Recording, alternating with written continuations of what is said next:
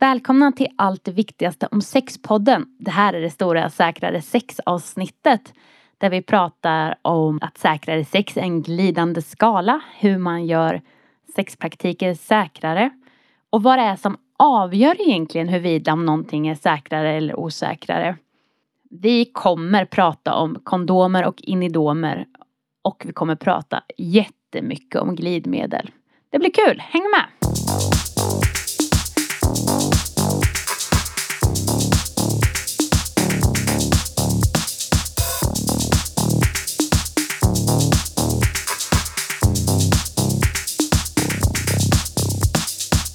Hej VR! Hej Malin! Vad ska vi prata om idag? Idag ska vi prata om säkrare sex. Säkrare sex? Eh, vi har vi kommit fram till sexavsnittet nu? Mm. Ja men nu har vi, nu har vi preppat att nu, nu vet vi vad samtycke är och vad ömsesidighet är. Alltså att det finns samtycke och det finns bra känsla från samtliga inblandade i samtliga delar av sexet. Och vi har pratat om kroppen som man ju ofta på olika sätt blandar in i sex. Även om man också kan ha sex där man inte är i samma rum som någon annan kropp. Men säkrare sex är ju då ja, men också någonting som är jätteviktigt att tänka på när man ska ha sex. Och jag tänker att ömsesidigheten och samtycket handlar om den, det mentala säkrare sexet, att man ska må bra av det sex man har. Men så måste vi kanske prata om det fysiska säkrare sexet också. Eh, och vi pratar ju oftast om säkrare sex. Varför gör vi det? För att sex är ju inte det är inte en lysknapp liksom. Det är inte av eller på, det är säkert eller osäkert. Utan sex kan vara mer eller mindre säkert i olika hänseenden eller med tanke på olika saker. Det är mer en, en dimmer än en strömbrytare. Okej. Okay. Så, så man kan säga att det är en glidande skala mellan sex där det är högre risk för olika saker man inte önskar sig och sex där riskerna är lägre. Och det vi brukar prata om när vi menar säkrare sex, eller när vi pratar om säkrare sex så menar vi sex där det är en låg eller ingen risk att sexuellt överförbara infektioner eller könssjukdomar ska överföras mellan olika personer. Och vi pratar också om säkrare i fråga om finns det en risk för att någon blir gravid som inte vill bli gravid. Det är också en aspekt av säkrare sex. Men ofta när vi tänker på säkrare sex så är det i fråga om om det kan överföras några könssjukdomar eller inte. För att bli gravid, det är trots allt bara ett av väldigt många typer av sex man kan ha som någon kan bli gravid på. Ja, det är ju också väldigt många som aldrig har den typen av sex där den faktorn finns. Men faktorn att kunna få eller att överföra en sexuellt överförbar sjukdom eller infektion eh, finns ju för de flesta. Och det är relevant i en massa olika typer av sex medan som sagt graviditet, det är en typ av sex.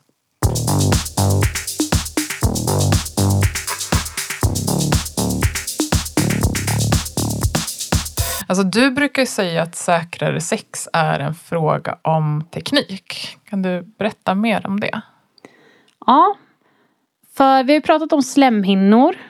Vi har pratat lite grann om kroppsvätskor. Om utlösningar och lubrikation och sådana saker. Och om slemhinnor.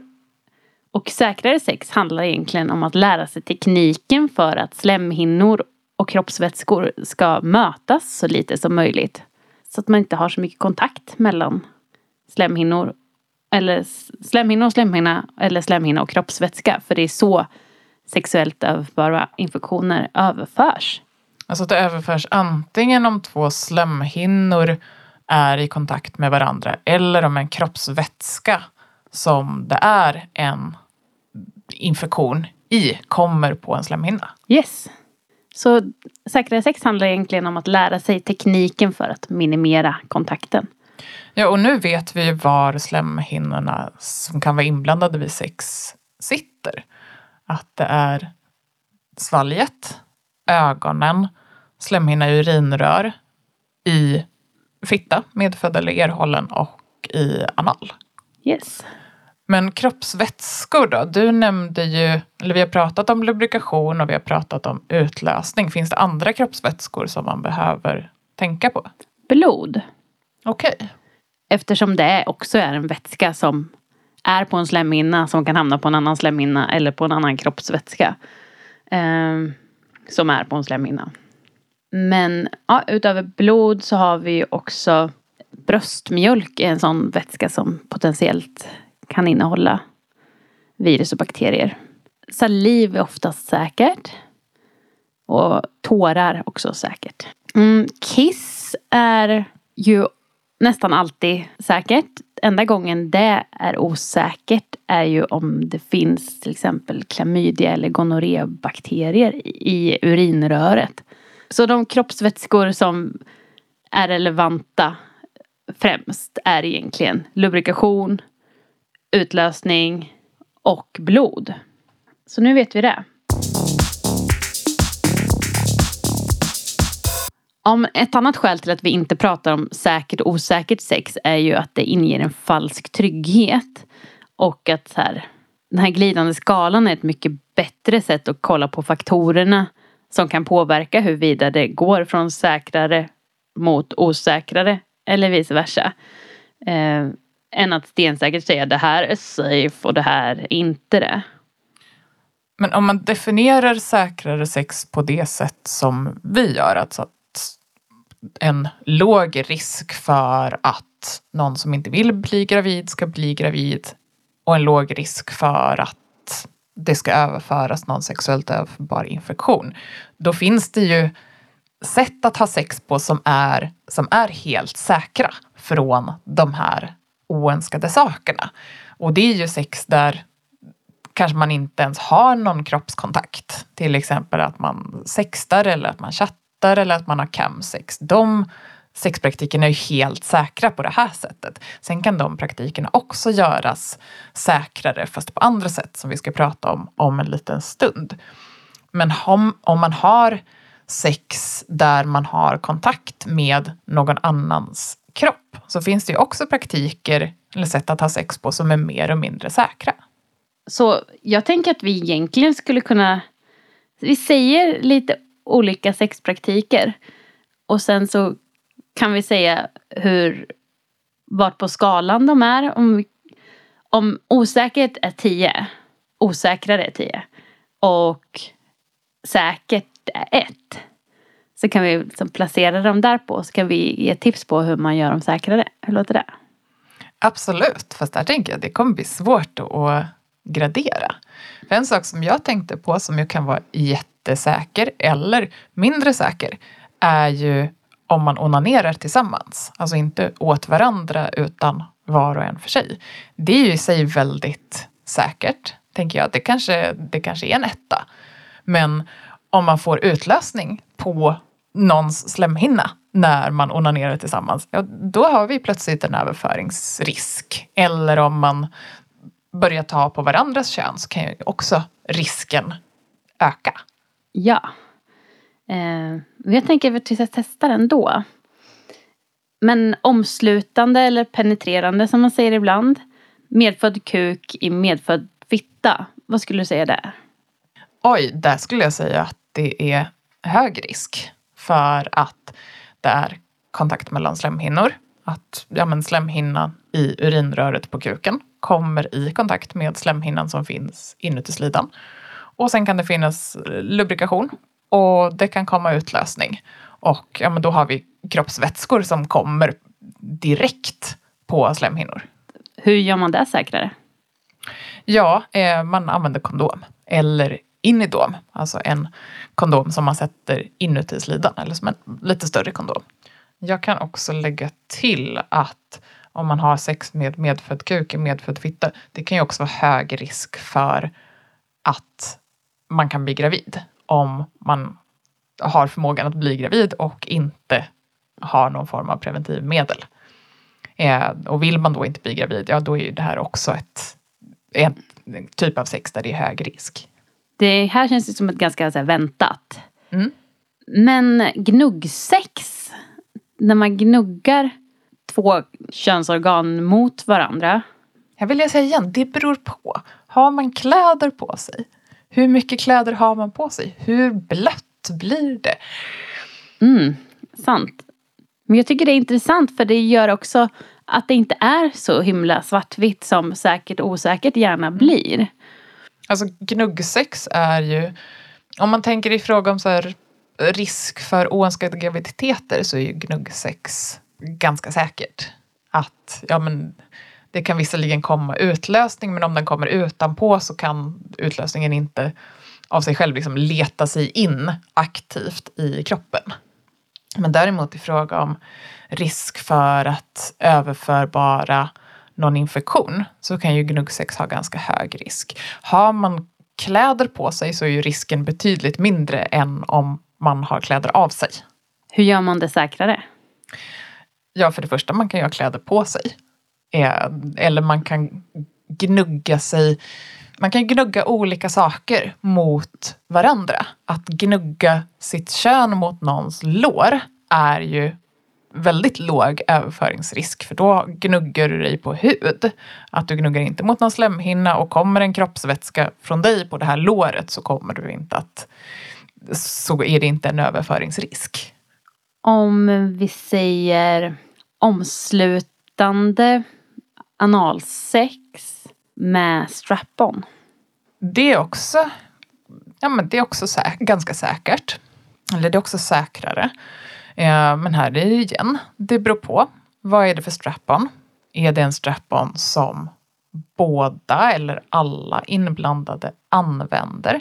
Alltså att man först använder man strap-on på den ena personen, sen använder den andra personen samma strap-on. Eh, och ett enkelt sätt att göra omslutande sex med strap-on säkrare är ju att ja, men antingen har var och en sin egen strap-on som ingen annan är, använder. Eller så använder man kondom eller inidom och byter när man byter person. Och eh, ett annat litet knep där är också i analsex så rekommenderar vi ju alltid ordentligt med glidmedel eftersom, som jag pratade om jättemycket förut, så vätskar ju inte analen på egen hand. Så det blir både lättare men också skönare. Men det minskar också eventuella skador hos slemhinnan.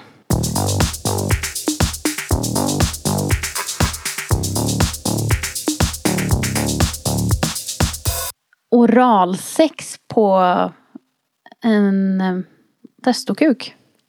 Alltså oralsex till testokuk kan ju också överföra det har samma överföringsrisk som oralsex till medfödd fitta. För att testokuk är ju en testosteronpåverkad del av en medfödd fitta. Då finns det en risk att det kan överföras klamydia eller gonorré för att man får kroppsvätska i munnen. Det är ju alltså en möjlig, ett möjligt sätt att könssjukdomar överförs via oralsex är om man har oralsex till en medfödd kuk, då kommer kuken ofta ganska långt ner i halsen och den slemhinna eh, i halsen som bakterier kan sätta sig på sitter ganska långt ner. Testokuk däremot, den kommer inte lika långt ner i ens hals som en medfödd kuk. Men i och med att man får i sig en kroppsvätska så kan man ändå få en sexuellt överförbar infektion den vägen genom att kroppsvätskan kommer ner till slemhinnan. Men det är inte slemhinnor som gnuggas mot varandra. Nej, men du pratade om medfödd kuk och längre ner i halsen. Är det osäkrare då? Mm. Eh, ja men medfödd eh, oralsex till medfödd kuk är en ganska osäker sexpraktik om man inte gör det säkrare på olika sätt. Alltså ett sätt att göra det säkrare på är ju att inte svälja utlösning. Eller ens ha den i munnen. Om möjligt inte ens få utlösning i, i munnen. Utan till exempel, kan, ja men säg till personen, kan du säga till när, när du är på gång att komma? Så kan man liksom göra det sista med händerna sen, exempelvis.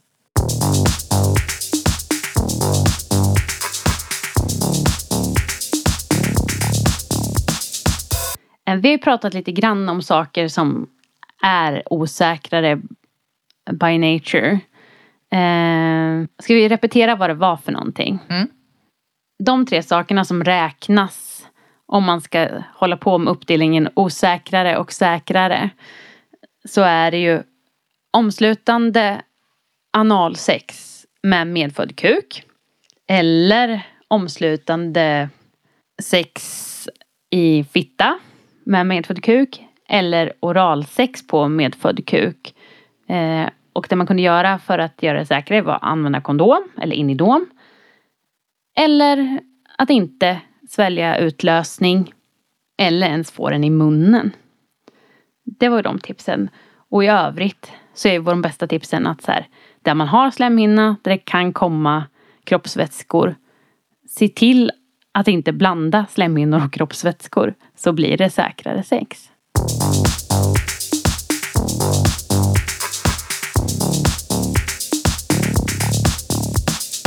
Nu har vi pratat om ganska mycket om säkrare och osäkrare sex och flera gånger har vi ju sagt eh, gör så här, använd det här. Eh, använd kondom eller inidom. Det här med inidom, vad är det? Ja, som jag nämnde förut, inidom är en, som en typ av kondom. Men medan kondom är någonting som man trär på någonting så är inidom någonting som man sätter inuti kroppen. Att inidom kan man använda, inte vid oralsex, men antingen vid omslutande sex i fitta eller omslutande sex i analen. Så kan man sätta in en inidom inuti fittan eller inuti analen. Det blir som jag menar, att man fodrar fittan eller analen med, ofta så är inidomer gjorda av plast medan kondomer ofta är gjorda av latex. Eh, och ja, men det, det finns lite inidomtekniker också, precis som det finns kondomteknik. Men det kan, det kan vara lite kruxigt att lära sig men när man väl lär sig så brukar det funka alldeles utmärkt. Sen är det också tyvärr fortfarande dyrare med Inidom än vad det är med kondomer. Men tycker man av olika anledningar att kondom inte funkar så bra, till exempel att man inte hittar en kondom som passar, vilket kan vara fallet till exempel om man har en, en testokuk eller en kuk som är gjord av klitoris. Eller om man om en stånd inte blir så hårt eller om ståndet kommer och går så kan inidom funka betydligt bättre än vad kondom ofta gör. Varför då?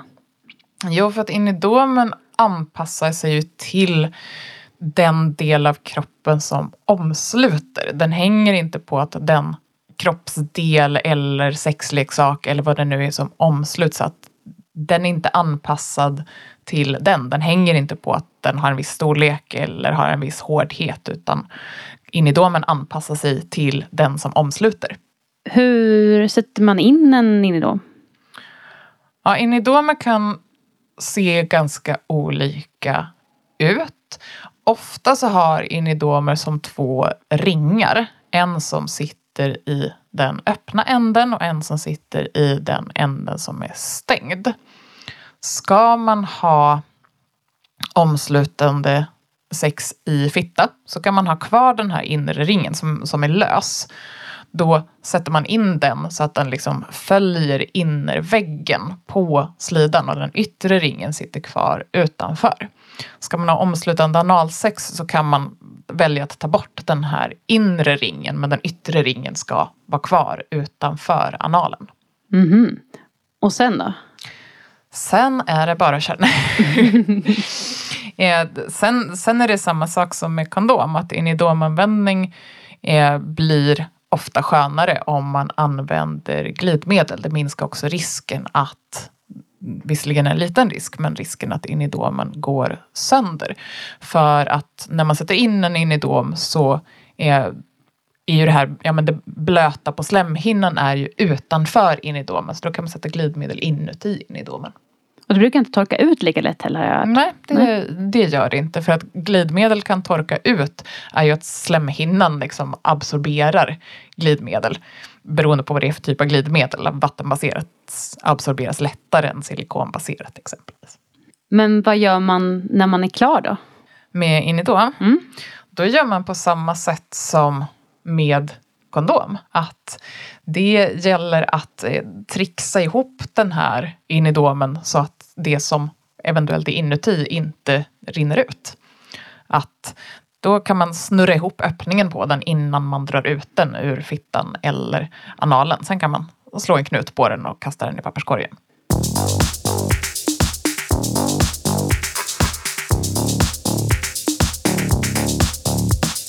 Nu pratade vi om inidomteknik, hur man faktiskt använder en inidom. Hur använder man en kondom då?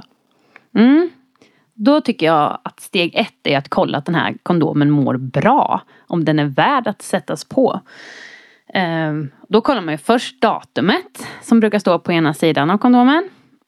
Eh, brukar stå med små svarta bokstäver någonstans nära trycket eller på baksidan. Eh, det är steg ett och då ska det ju vara ett datum som inte redan har varit för då är den ju för gammal. Och latex är ju ett naturmaterial, det är gummi så det åldras. Och här gäller inte samma sak som med till exempel mjölk. Det är inte smaka och lukta som gäller utan mm. det är, har det här datumet varit eller inte. Yes. Eh, det har du faktiskt helt rätt i. Så datumet ska vara giltigt. Eh, och eh, nästa steg tycker jag är att man känner på kondomens liksom, kanter och känner om den så blubbar omkring bra i förpackningen. Då mår den också bra.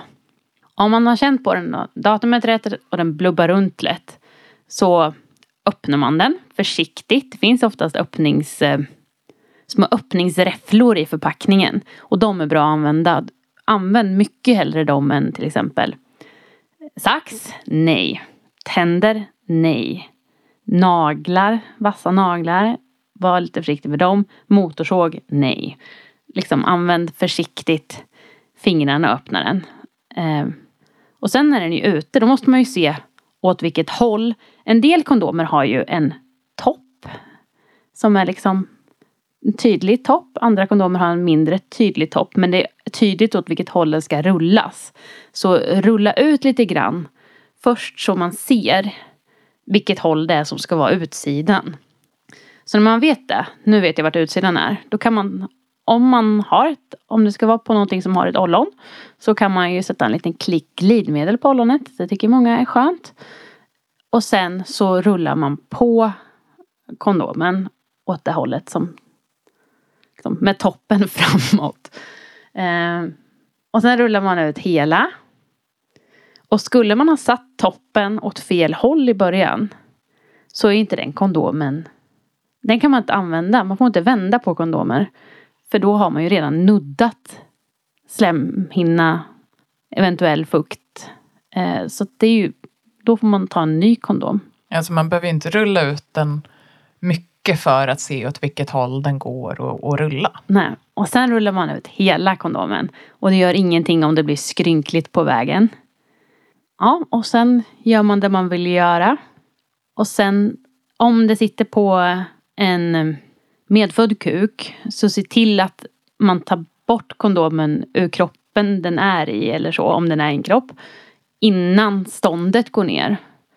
Och sen kan man rulla av kondomen med kuken utanför den kroppen. Och då minskar man risken för att det rinner ut saker eller så.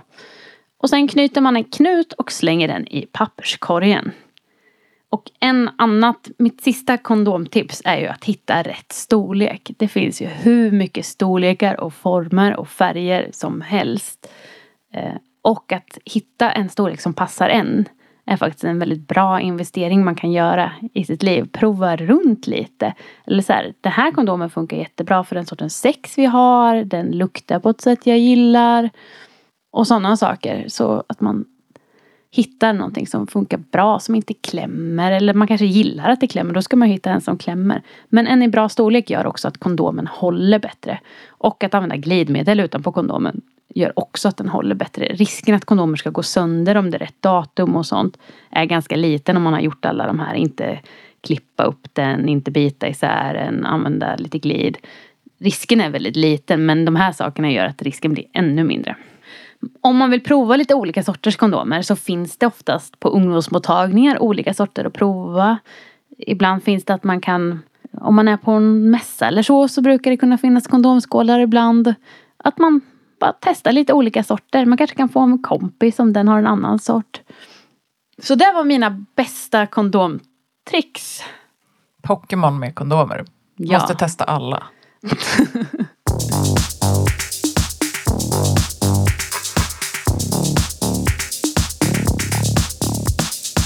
Nu har vi pratat lite grann om ja, men det här barriärskydd, alltså latex eller plast mellan, mellan slemhinnor eller som ser till att det inte kommer kroppsvätska på en slemhinna.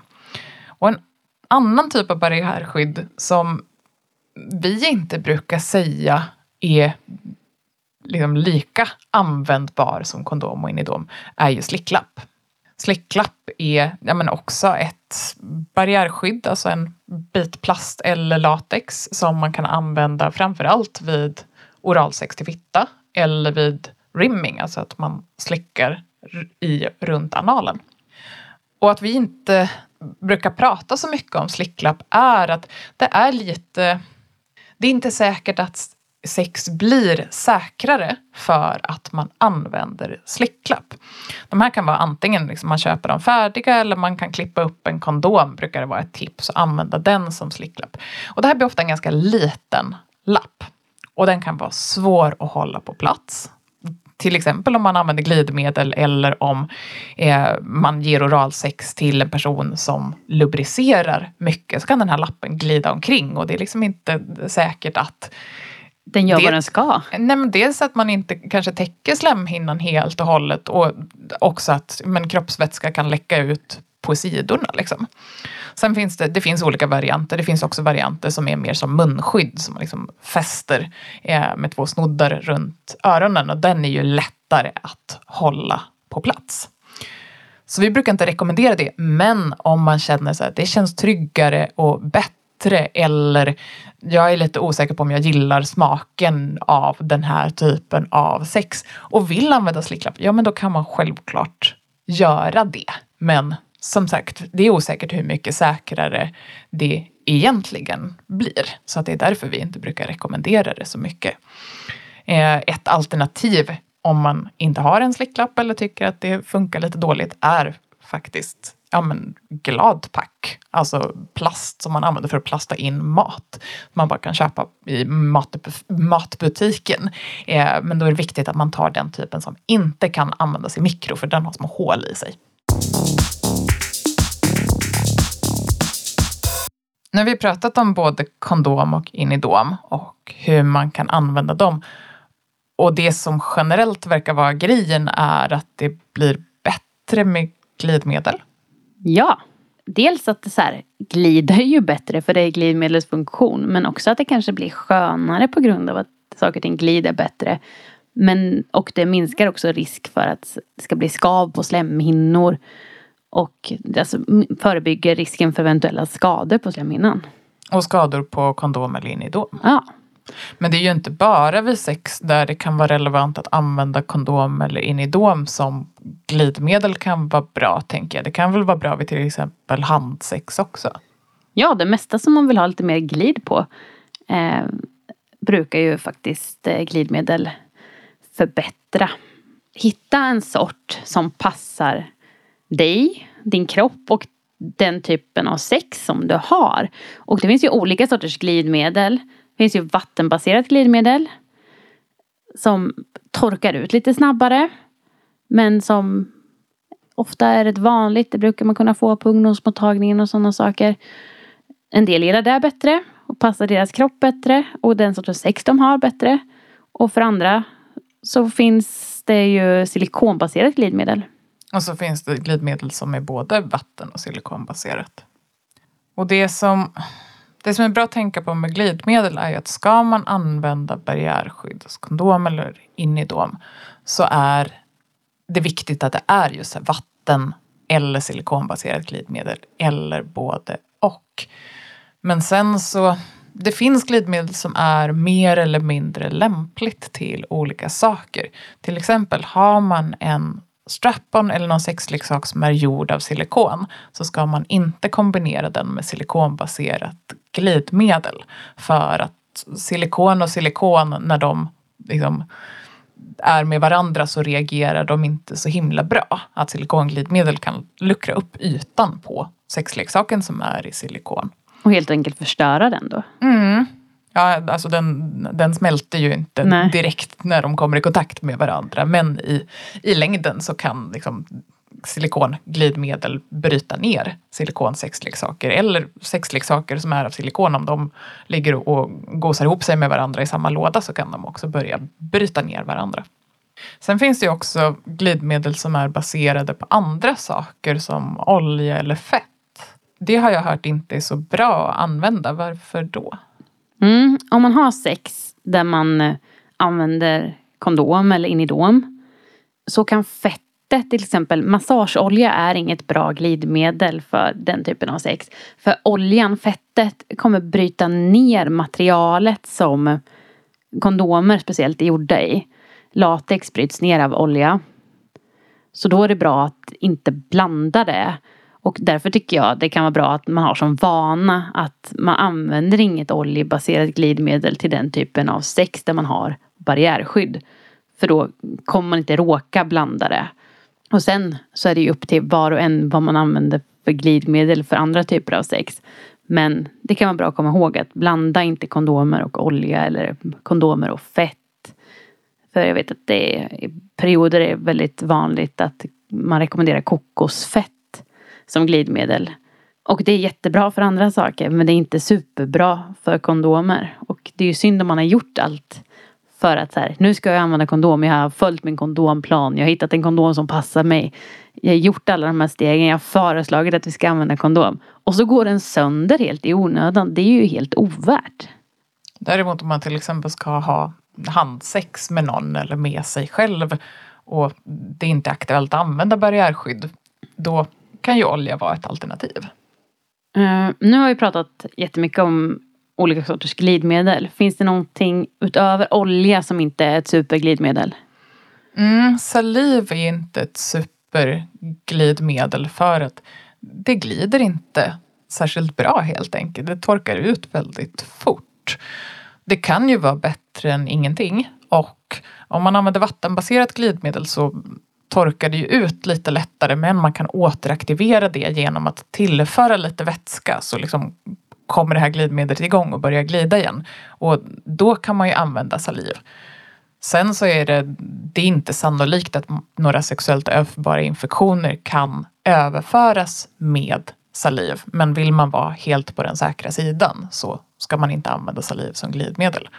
Och slutligen, man ska också fråga gärna innan man spottar i eller på någons kön. Det, eller på det, någon annans kropp överhuvudtaget. Det är artigt att fråga. Ja.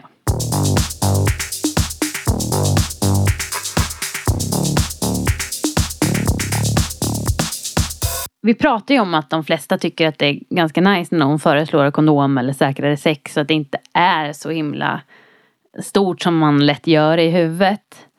Men eh, det är ju också så att det här handlar om det här med ömsesidighet och kommunikation. Så här har vi en chans att öva igen.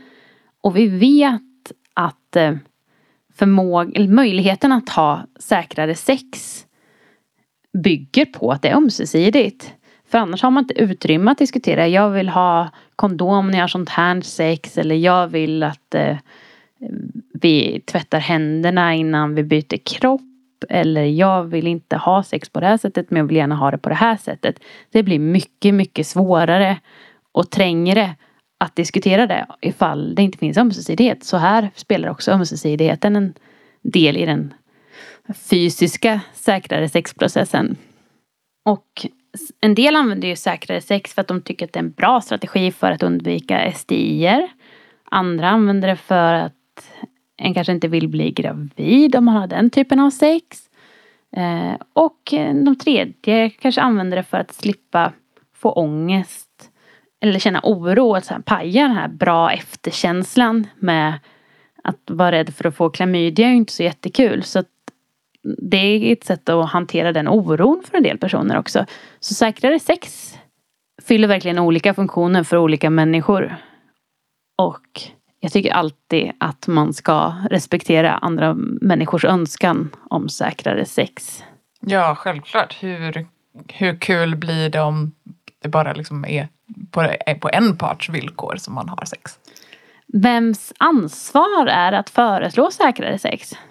Alltså det är ju precis som när vi pratade om samtycke. Att det är alla inblandades ansvar att vara så säkra som möjligt på att den eller de man har sex med gör det frivilligt och att alla, ja men alla har det bra i det man gör. På samma sätt så är ju säkrare sex allas ansvar. Att det inte det är inte en part eller det är personer av ett visst kön som alltid ska ha ansvar för att sex görs säkrare utan alla som ska ha sex med någon annan än sig själva har ett ansvar att ha så säkert sex som möjligt. Så att alla kan må bra av det sex de har. Och det är ju lite grann vårt mål. alla ska kunna må bra av det sex man har. Yes. Tack för idag. Så det var allt för det här lilla avsnittet och ni får såklart alltid gärna kontakta oss på sexrfslungdom.se. Tack Vier! Tack Malin.